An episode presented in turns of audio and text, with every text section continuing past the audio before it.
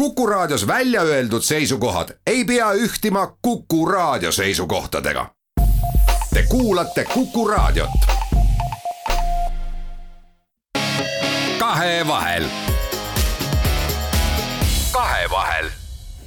kuku raadio stuudios on ajakirjanikud Toomas Kask ja Ainar Ruussaar ja meie vahel külalisena majandus- ja taristuminister Taavi Aas, tere.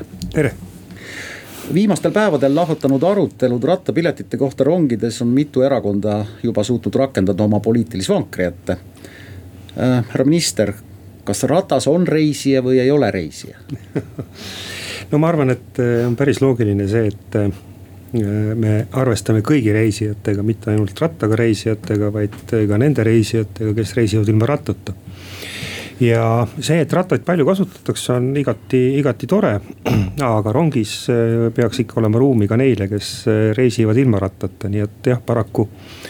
paraku selline äh, samm Elroni poolt on tehtud, me kaalusime seda tegelikult väga pikalt, et juba eelmine aasta Elron andis märku sellest, et, et see probleem on aina süvenev. ja midagi tuleks sellega ette võtta ja tegelikult, kui vaadata ka teiste riikide praktikat, siis üldiselt on niimoodi, et et rattale tuleb ikkagi pilet, pilet soetada.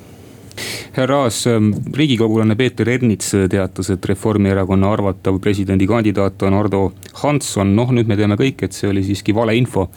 aga kes on siis see müstiline kandidaat, kes äh, nõnda kaua mõtleb ja kaalub? Ma arvan, et presidendikandidaadid kaaluvad kõik, äh, kõik kaua, et äh, lihtne ei ole see otsus kellelegi. aga kui kui on õige aeg ja kui on otsus tehtud, ju see siis ka teatavaks saab. No see õige aeg on minu meelest juba möödas. No vaat see nüüd sõltub valimissüsteemist, et äh, ma saan aru, et ajakirjanduse jaoks oleks, oli see õige aeg juba väga ammu aga jah, ja kui meil oleks selline, selline valim-, presidendi valimiste süsteem, kus rahvas valiks, siis ma arvan, et loomulikult peaksid need kandidaadid ammu teada olema, aga paraku meil on hoopis teistsugune süsteem. kui ta, kui ta nii kaua mõtleb, äkki ta ei ole ikka õige kandidaat? ma arvan, pigem on see selline ametikoht, kus tulebki väga kaua mõelda.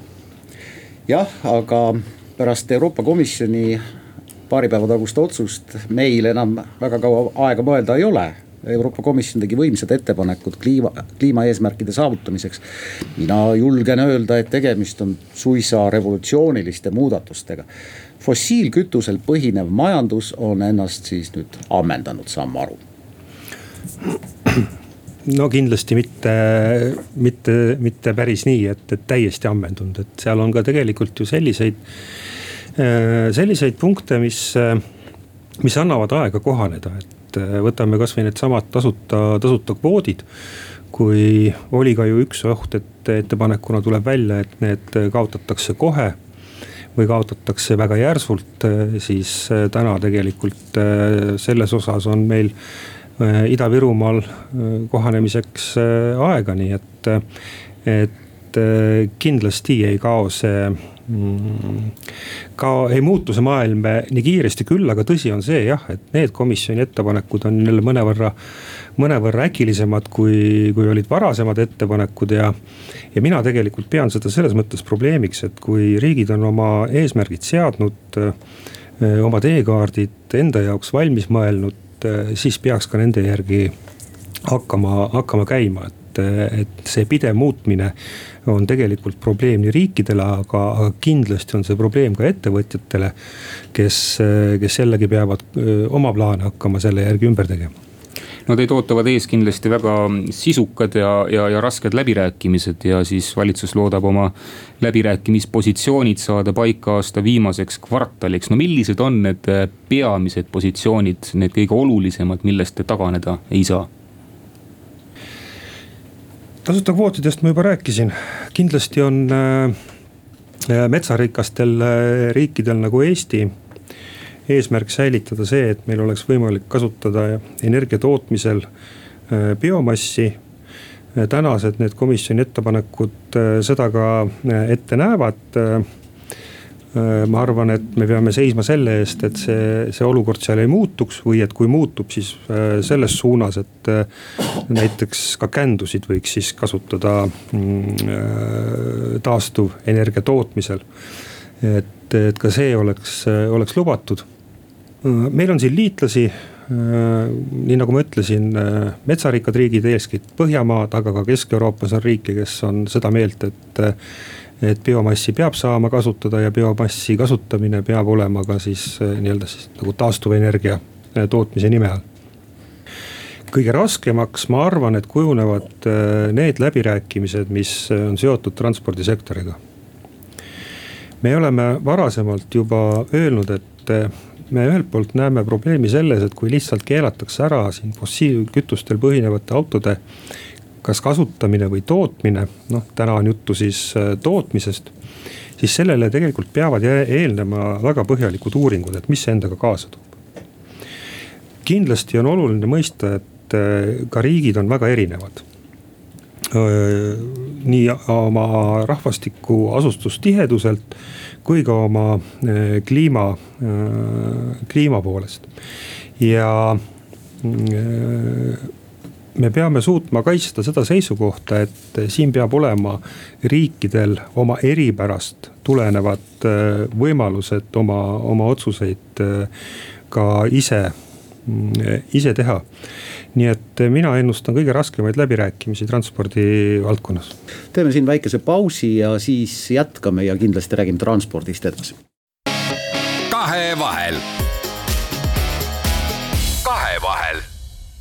Kuku raadio stuudios ajakirjanikud Toomas Kask ja Ainar Ruussaar ja meiega koos majandus- ja taristuminister Taavi Aas. ja meil jäi jutt nüüd pooleli siis komisjoni ettepanekutest, mis puudutavad transporti, olgu elektriautod on äh, toredad, äh, kaasaegsed, igati rohelised. aga olgem ausad, meil Enefitil näiteks on Eestis ligi sada kaheksakümmend laadimispunkti no see on ikkagi väga vähe, et kui me tahaksime, et kõik Eesti inimesed hakkaksid nüüd siin kauges tulevikus näiteks elektriautodega sõitma, noh selle võrgustiku väljaehitamine läheb ikka riigile ju korralikult maksma. hinnanguliselt oskate arvata, kui palju? Äh, ei, päriselt äh, lõpuni äh, ei oska ja, ja ma arvan, et seda ka ei pea praegu üldse hakkama arvutama, sellepärast et kindlasti kõik ei hakka sõitma elektriautoga. meil no näiteks ka vesiniku autode Mm, äh, maailm on hästi kiiresti arenemas ja muutumas ja, ja mis olukorras me oleme vesinikuautodega näiteks aastal kakskümmend üheksa või kolmkümmend, et äh, ma arvan, et seda on täna praktiliselt võimatu, võimatu ette ennustada, et äh, ja kui suur siis saab olema vastavalt ka proportsioon seal elektri või vesinikuautode vahel aga teatud seadusemuudatused on Eestis juba tehtud selleks, et äh, ka uusarendustesse äh, tekiks äh, laadimis, laadimispunkte, mida siis elektriauto omanikud saaksid kasutada, nii et me selles osas liigume edasi. ja jah, ma arvan, et selles osas nagu ei peaks, peaks väga palju praegu muretsema, et ka elektriautod arenevad väga kiiresti edasi. Küsimusi on kindlasti kogu selle roherevolutsiooniga rohkem kui praegu vastuseid ja ja loodame, et me saame ajapikku ka kõigile vastused, mina isiklikult olen üllatunud, et see elektriautode areng on, on olnud nii aeglane ja ma kahtlustan, et bensiinimootorite, sisepõlemismootorite tootjad on ägedalt sõdinud elektriautode vastu, aga see on minu, minu enda arvamus kaks tuhat kolmkümmend viis, ega bensiiniautosid päris ära keelata ei saa. et inimene, kellel on, ma ei tea uunikum, mis töötab sisepõlemismootoriga, talt ju seda ära ei võeta, seda autot ja see oli ka muide Eesti üks sisend selles kava väljatöötamisel, et enne seda, kui me hakkame midagi ära keelama Äh, kas siis tootmist või, või, või kasutamist, sellele peab eelnema tegelikult väga põhjalik sotsiaalmajanduslik uuring, et mis see endale kuskil kaasa toob, et. Äh, see oli meie seisukoht ja ma arvan, et me kaitseme seda seisukohta ka tulevastel läbirääkimistel, et äh, me peame ikkagi arvestama sellega, et Euroopa Liidus on, on vaesemaid ja jõukamaid riike on riike, kellele, kelle elanikele tõenäoliselt elektriautode soetamine äh, ei, ei pruugi olla suur probleem. aga kindlasti on riike, kus on väga suur või märgatav osa elanikest, kellele see veel täna kindlasti on probleem. jah, ma olen nõus, et elektriautod muutuvad ka järjest odavamaks, et ja, ja tulevad ka uued margid, et või, või ütleme siis ka, ka noh, ma ei tea, Dacia hakkab teeb elektriautosid, et ei ole ainult enam Teslad, et on ka teisi. aga no ikkagi sellega tuleb arvestada, et on elanikke, kes, kes kasutavad edasi ka bensiinimootoriga autosid on iseenesest ju väga õilis idee, kui jõuaks selleni, et inimestel oleks vähem autosid ja nad sõidaksid mugava, kiire ühistranspordiga sinna, kuhu vaja, aga lennukid. Äh, lennukid peavad ka vaikselt üle minema või vähendama seda saastavat äh, kütust oma paakides, aga mis saab nendest lendudest mis lendavad küll Euroopasse, aga tangivad oma lennukeid kusagil mujal kui Euroopa Liidus ja vot siin on nüüd oluline see, et tõesti Euroopa Liit rakendaks ka seda mm, siis äh, äh, piirimakse äh,. kui äh, siis kuskil mujalt tuuakse meile kaupasid, mis, mis ei ole maksustatud või mille tootmist ei ole maksustatud sarnaselt nagu Euroopa Liidus. siin on muidugi nüüd terve rida ohtusid no näiteks äh, laevanduses, kus ka Euroopa Liit tahab äh, rohkem kasutusele võtta siis puhtamaid kütuseid ja, ja eesmärk siis selle kava järgi on see, et maksustatakse siis neid fossiilsete kütustega sõitvaid laevasid, mis külastavad Euroopa Liidu sadamaid. Eesti jaoks siin kahtlemata kohe esimene probleem, mis tõstatub, on see, et meie kõrval on riik, kes sarnaselt ei maksusta ehk et Äh, oht on siis selles, et need laevad, mis muidu võiksid tulla Eestisse, lähevad lihtsalt mõne või ühe naaberriigi sadamatesse mis on ja, meile konkreetne majanduslik kahju. ja, ja absoluutselt, et äh, siin kindlasti on kohti, mis vajavad väga, väga tõsist diskussiooni.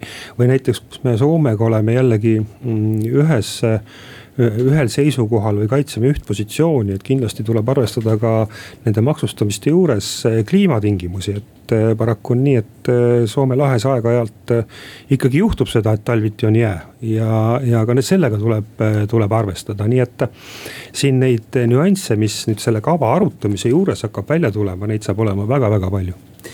Rääkides veel lennukitest, siis et kui tahetakse, et eh, suurem hulk eh, lennukeid hakkaksid siis kasutama jätkusuutlikku kütust, siis noh, ehm, tavareisija jaoks tähendaks biokütuste tulek aastaks kaks tuhat kolmkümmend umbes kaheksaprotsendilist pileti hinna tõusu. arvestades veel seda, et ka kõik muud hinnad hakkavad selle paketi raames tõusma, siis noh, ega eestlased vist tulevikus enam väga palju reisida ei jõua, raha lihtsalt ei ole nii palju. no vot tegelikult mulle tundub, et see hinnatõus lennunduse juures on veel kõige väiksema mm, jalajäljega, et, et need, need, need mujal need hinnatõusud võivad olla märksa suuremad. sest noh, kui me täna lennuk, lennundust vaatame, siis äh, on ju neid sooduspakkumisi, mis praktiliselt äh, mis siin on kakskümmend viis eurot mõnda Euroopa sihtpunkti, no kui sinna läheb see kaheksa, kaheksa protsenti otsa, no ei noh, tõenäoliselt ei, ei jää kellelgi selle pärast lendamata aga, aga teistes valdkondades, mis äh, logistikat äh, puudutab, siis äh, seal võib tõsine probleem olla no nüüd te jõudsite oma jutuga sinna, kuhu jõudis tegelikult eile ka opositsioonilise EKRE juht Martin Helme.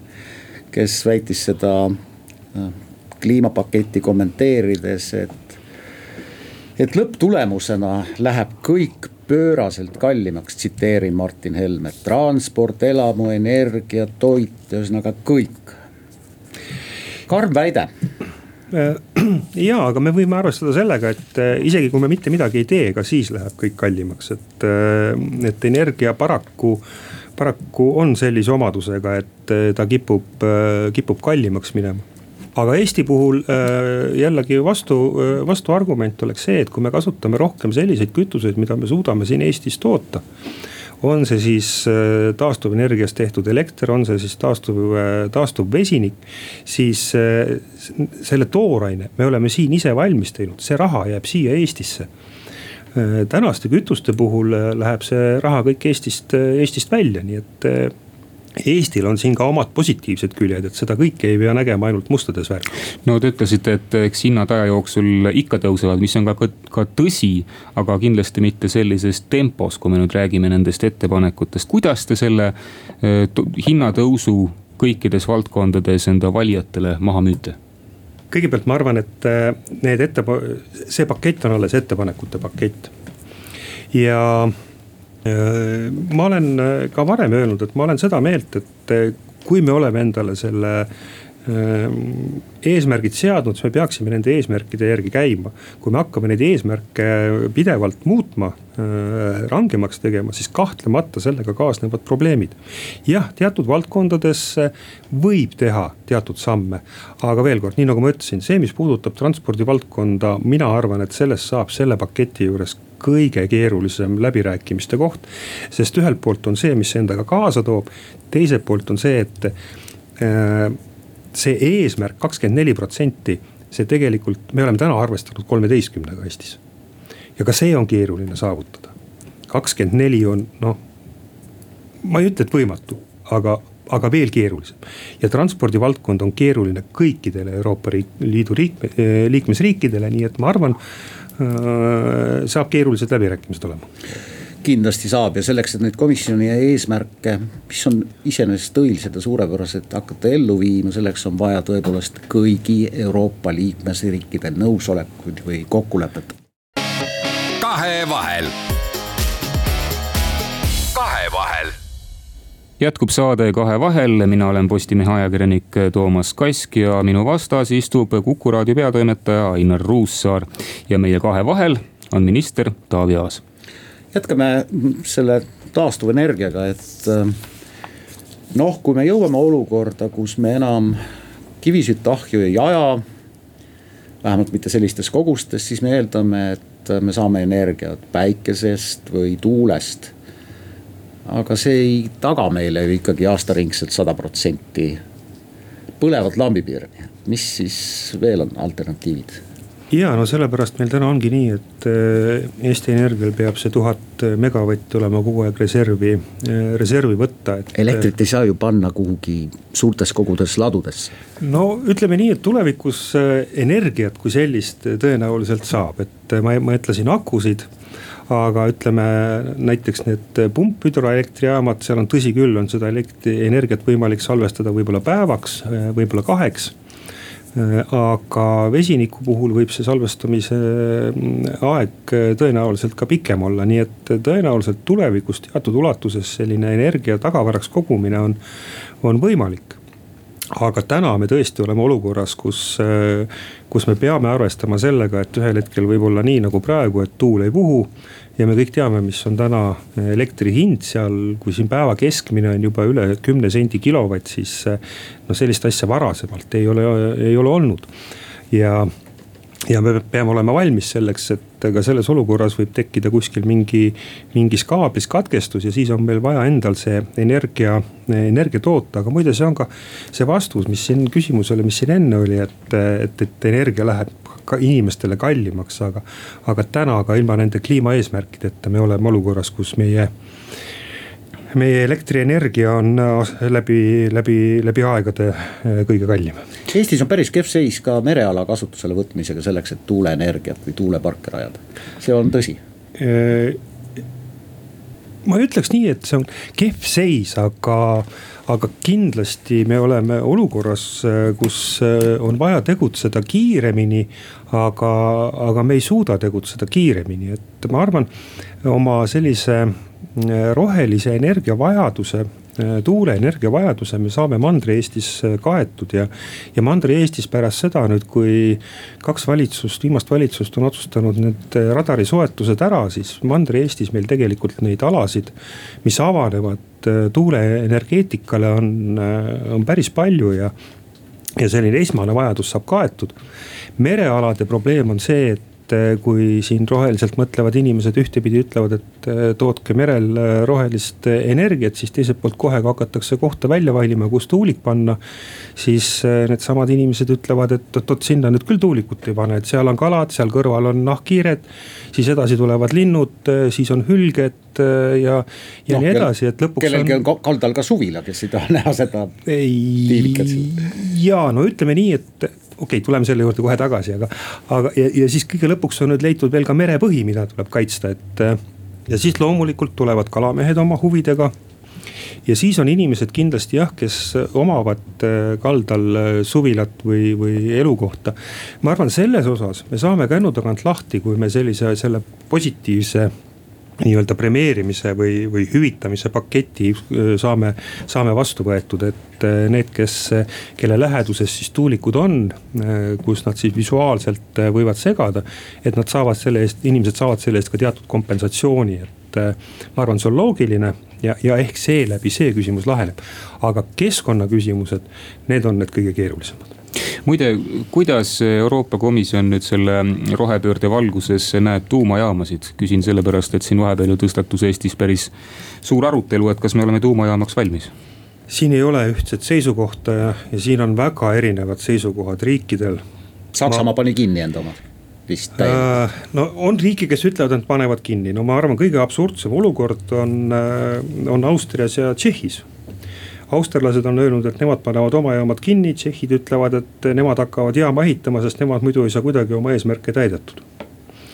ja, ja, ja tegelikult see ilmestabki seda olukorda kõige paremini minu meelest, mis on tuumajaamadega Euroopas. Äh, on neid, kes ütlevad, et panevad kinni ja on neid, kes ütlevad, et muidu ei tule kuidagi välja, kui me peame tuumajaama ehitama. ja mina üldse ei välistaks äh, seda, et äh, tulevikus Eestile võib see ka olla üks lahendustest äh, uue põlvkonna tuumajaam. mis siis tagaks meie nii-öelda energiajulgeolekut, et vajadusel meil on võtta ka äh, piisavas koguses äh, juhitavat energiat. ja sellele Euroopa Komisjon viltu ei vaataks? raske ütelda, mis saab siis, kui reaalselt hakatakse ehitama tuumajaamasid aga tõsi on muidugi ka see, et need jaamad peavad äh, vastama kõikidele nõuetele, mis on siis äh, neile seatud ja kui nad nõuetele vastavad. siis minu meelest äh, on suhteliselt keeruline keelata tuumajaama ehitamist ühel või teisel riigil. no me elame nende tuumajaamadega käsikäes ju paratamatult, aga kui me mõtleme Soome tuumajaamadele, siis mina elan küll täiesti rahuliku südamega, aga noh, kuuldes aeg-ajalt seda, mis toimub Sosnovi Boris mm, Venemaal äh, meie piiride läheduses, siis äh, jah, tekitab natuke muret, aga. aga turvaline tuumajaam on kindlasti üks võimalikke lahendusi. võib-olla liiguksime natukene saate alguse juurde tagasi, nimelt see hinnatõus ja nagu ma olen aru saanud, siis komisjon äh, pakub välja nõndanimetatud sotsiaalse kliimafondi raha et sellest fondist jagatakse äh, siis äh, aastatel kaks tuhat kakskümmend viis kuni kaks tuhat kolmkümmend üks seitsekümmend kaks koma kaks miljardit eurot äh, vaesemale rahvale. mida see nüüd siis tähendab, et kas siis ütleme inimesed, kes näiteks saavad kuus kätte viissada eurot, et hakkavad tulevikus saama riigilt rohepöörde toetust? ma, mina ütlen ausalt, et ma ei oska sellele küsimusele vastata ja, ja tegelikult enne kui me selle fondi juurde jõuame, siis äh, see, see raha sinna fondi peaks ju tulema sellest fossiilse kütuse maksustamisest. ma näen tegelikult äh, selles jällegi ühte väga suurt vaidluste kohta, sest et äh, kuigi tegemist ei ole sellise üle-euroopalise maksuga, siis tegelikult on ta väike samm selles suunas ja ma olen päris kindel, et et äh, liikmesriikidel tekib küsimus, et äh, kui me astume ära selle esimese väikse sammu, millal tulevad need järgmised. ja, ja see saab kindlasti olema väga, ka väga suur diskussiooni koht, et äh, kas ja kuidas sellega nõust-, nõustutakse. nüüd teiselt poolt see fond, mis aitaks vaesemaid või vähem, vähem jõukaid inimesi nende paketi äh, meetmetega toime tulla. ega see iseenesest ei ole halb idee, aga kui nüüd hakata seda ideed niimoodi pulkadeks võtma, et, et kuidas see siis tegelikult tööle hakkab. siis äh, noh, minul täna siin küll vastust ei ole, et, et mismoodi see siis saaks olema, et kus on see piir. kes saab sealt fondist raha, kes ei saa fondist raha Äh, siin juba keegi jõudis välja rehkendada, et see võiks olla Eestile kuskil kuuskümmend miljonit aastas, et noh, kuidas me siis hakkame seda kuutekümmet miljonit jagama, kusjuures siis Eesti riik peaks sinna ka ise veel raha juurde panema, poole sellest, nagu see äh, mõte selles äh, paketis on, et esimese hooga, ma arvan, tekitab see küll rohkem, rohkem küsimusi kui vastuseid. Teie vastusest kõlas välja ka mm, maksutemaatika. meil on üks väga tugev jõud, kes on just muuhulgas äh, maksutemaatika tõttu siis selle paketi vastu, kas me anname ära siis äh, maksusuveräänsuse Eesti riigilt üle Euroopa Liidule? ma arvan, et päeva lõpuks sõltub see sellest, et kuidas, kuidas see pakett saab olema üles ehitatud, et. aga ma arvan, et see ei ole mitte ainult üks jõud Eestis, et neid, neid jõude on, ma arvan, palju rohkem, kes, kes ähm, näevad selle mm, maksude üle otsustamise, kui seal juba esimene samm ära teha, siis need järgmised võivad olla palju lihtsamad ja vot selle suveräänsuse loovutamine äh, riigilt äh, siis äh, Euroopasse. ma arvan, et neid on väga palju, kes näevad, et see on suur probleem. no mina pean tunnistama, Taavi Aas, mina ei kujuta seda raha kogust isegi numbriliselt või nullide arvu poolest ette, kui, kui palju see õilis roherevolutsioon tegelikult raha nõuab, võtame kasvõi selle, et kui me enam põlevkivi, kivisid, naftat, gaasi sellistes kogustes ei tooda, siis. noh, ettevõtted kaovad, inimesed kaotavad töö. ma ei kujuta seda tõesti ette, kas teie umbes kujutate ette? seda raha hulka, seda nullide arvu ei, nullide arv kindlasti on suur, aga, aga ega maailma ajaloos on selliseid suuri pöördeid äh, ka varem toimunud, kus, äh, kus on siis ühelt ühelt tööliigilt mindud üle teisele ja sellega on kaasnenud ka revolutsioonid ja masinate lõhkumised ja, ja mis kõik muu sinna juurde kuulub, aga, aga lõpuks on see ikkagi toimunud. ja ega midagi teha ei ole, ega tehnoloogiad, tehnoloogiad muutuvadki. küsimus on minu meelest pigem selles, et kui jõuliselt me peame seda tehnoloogiate muutumist kiirendama või me laseme sellel oma loomulikus protsessis liikuda. Euroopa Liit äh, tahaks näha, et ähm, Euroopa Liit oleks siis äh, maailmas nii-öelda esirinnas selle äh, rohepöörde temaatika juures, aga mis saab siis, kui Euroopa Liit jääbki sellega maailmas, maailmas üksinda? ehk siis meie peame nendest reeglitest rangelt kinni, aga ammugi mitte Venemaa, Hiina. Meie põhimõtteliselt ennast majanduslikult, ma julgeksin öelda, nõrgestame, teised saavad tugevamaks ja globaalse soojenemise mõttes äh, Euroopa üksi ei tee midagi ära. kindlasti on see oht olemas, aga Hiina näide, ma arvan, ei ole siin kõige parem, sellepärast et äh, Hiinas, kui ma seal käisin, see aastat, ma arvan, see kaheksa-üheksa tagasi, võib-olla kümme tagasi äh,. Chengdu linnas äh, olid ainult elektrimootorollerid, seal polnud mitte ühtegi sisepõlemismootoriga mootorollerit, nii et äh, teatud protsessid Hiinas äh, käivad äh, palju kiiremini, kui meie siin oskame, oskame neid, oskame arvata, et see seal on, et ka Pekingis on võetud väga drastilisi samme ette, et õhukvaliteeti parandada, nii et. kusjuures seal on muidugi selles mõttes lihtsam, et öö, otsustatakse ja on, on tehtud Äh, aga. ega, ega te ei taha mitte öelda, et Hiina tuleb selle rohepöördega kaasa? Hiina on nii kahepalgeline, need tehased, mida ta, mida nad rajavad Aafrikasse, on kõige vähem keskkonnasõbralikum uuseitised maailmas üldse. ma arvan, et äh, see, selle tehnoloogia muutusega tulevad äh, suuremad tööstusriigid kõik kaasa, sellepärast et see lihtsalt on ajaline paratamatus. nüüd pigem ma arvan, et küsimus on selles, et kuidas see saab toimuma eh, kolmandates riikides. et seal võib olla see probleem suurem.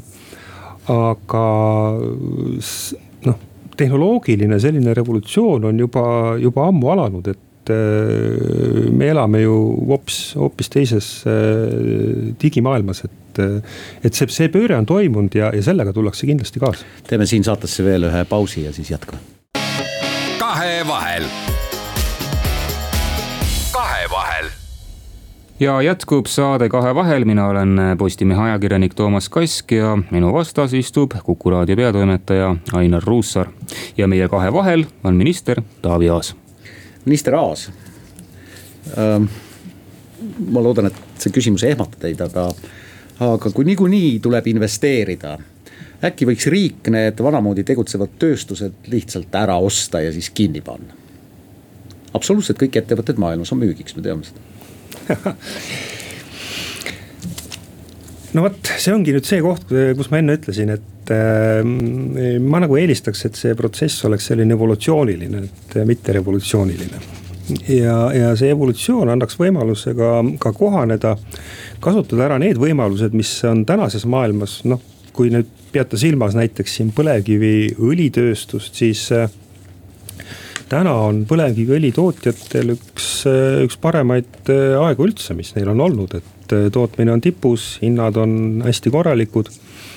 ja, ja neil läheb, läheb hästi, nii et üks suuremaid ekspordiallikaid Eestis, nii et ma arvan, ei ole praegu sel ajahetkel mõistlik neid kinni panna, kusjuures kindlasti tahan selle üle toonitada, et tegem-, põlevkiviõli puhul ei ole ainult tegemist laevakütusega, mis siis meie maakera äh, saastab, äh, see on ka tooraine keemiatööstusele.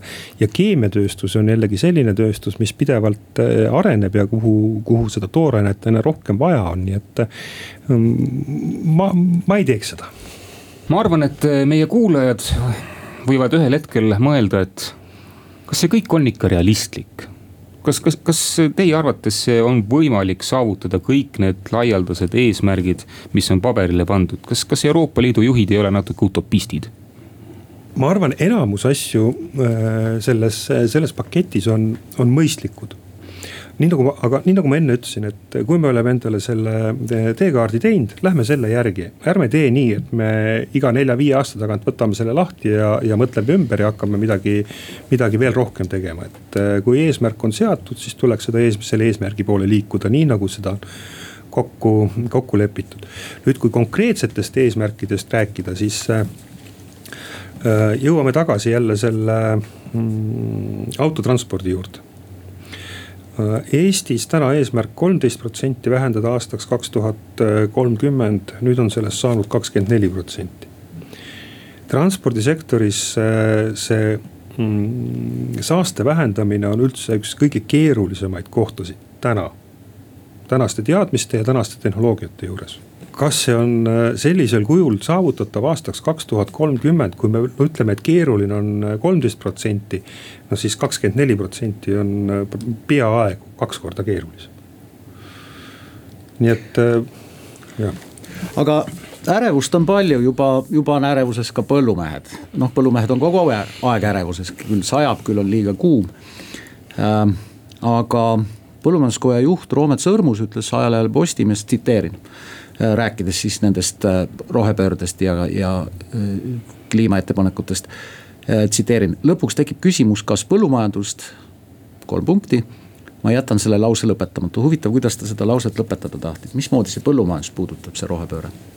Jah, no see, mis autotransporti puudutab, siis see on jutu, me räägime siin ikkagi nüüd siis sõiduautodest, eks ole, et me ei räägi siin põllumajandus, põllumajandustehnikast aga põllumajandust ta jah, sedavõrd puudutab, et ka põllumajanduses on päris korralik siis on, põllumajandus on koht, kus neid kasvuhoonegaase tekib. ja, ja need eesmärgid tõenäoliselt võivad ka, ka seda sektorit rohkem puudutada, ma pean tunnistama, et ma ei ole selle põllumajanduse poolega nii täpselt kursis, et ei ole, ei ole nii minu valdkond. Aga ma juhtusin ka ise nägema ühte, mm, ühte intervjuud, kus äh, üks, äh, üks roheliste esindaja ütles, et, et nad on selles, nendes ettepanekute paketis pettunud, et seal ei ole mitte midagi öeldud äh, liha söömise kohta, et noh. nii et ütleme nii, kui see tuleb arutusele, need paketid, siis on seda paketti hakatakse ründama kahelt poolt see on päris selge, et ühed, kes ütlevad, et seda on kõike kole palju ja see ei ole võimalik ja teiselt poolt tulevad need, kes ütlevad, et see on peaaegu mitte midagi, et äh, peaks olema vähemalt kaks korda rohkem. nii et need diskussioonid alles seisavad, seisavad meil ees. ma arvan ka jah, ja sest, sest see noh, õnneks väike osa ühiskonnast, kellest mõned tahavad vorstimaksu ja mõned tahavad kapsamaksu ja mõned tahavad aknamaksu ja mõned habememaksu, see osa jääb alati ühiskonda me siin äh, rääkisime korduvalt, et kogu see pakett on alles nii-öelda ettepaneku vormis, liikmesriigid peavad selle heaks kiitma, aga loen mina tänasest Postimehest. Euroopa Komisjoni asepresident äh, Franz Timmermans ütleb nõnda, et tegelikult äh, rohepööre ei ole võimalik enam rohepööret kursilt tagasi pöörata, tsiteerin. meie eesmärk on kivisse raiutud me ei saa eesmärki enam muuta. kohati jääb mulje siis, et mida me siin üldse seal parlamendis arutame no ma arvan, et äh, ka seda paketti kokku pannes, äh, nii palju kui mina olen aru saanud, siis ähm, Euroopa Komisjonis sellist sajaprotsendilist üksmeelt ei olnud. ja, ja ma arvan, et see ka selle paketi arutluse juures äh, tuleb see ühel hetkel välja. veel kord, on neid, kes ütlevad, et seda on liiga vähe, on neid, kes ütlevad, et seda kõike on liiga palju eks see tõde äh, selgub kuskil seal, seal keskel, nii nagu juttu oli, see peab olema kõikide riikide heakskiit, kõikide riikide kokkulepe. Äh, ma ei usu, et see saab olema väga lihtne kokkulepe. aga, aga selles osas on ju Timmermansil õigus, et äh, see, see tehnoloogiline muutus see on tegelikult juba toimumas ja, ja ma arvan, et seda ei ole küll võimalik tagasi pöörata. veel kord, mina jään selle juurde, et see muutus võiks olla evolutsiooniline, see ei peaks olema revolutsiooniline jah, ja kui mõelda kasvõi sellele, kui palju on tehnoloogia muutnud meie elu viimase kümne või kahekümne viie aasta jooksul, siis äh, see usk teaduslik tehnilisse revolutsiooni muidugi jääb ajakirjanikud Toomas Kask ja Ainar Ruussaar tänavad, et kuulasime, tänan teid, et tulite, majandus- ja taristuminister Taavi Aas. ilusat suve jätku teile.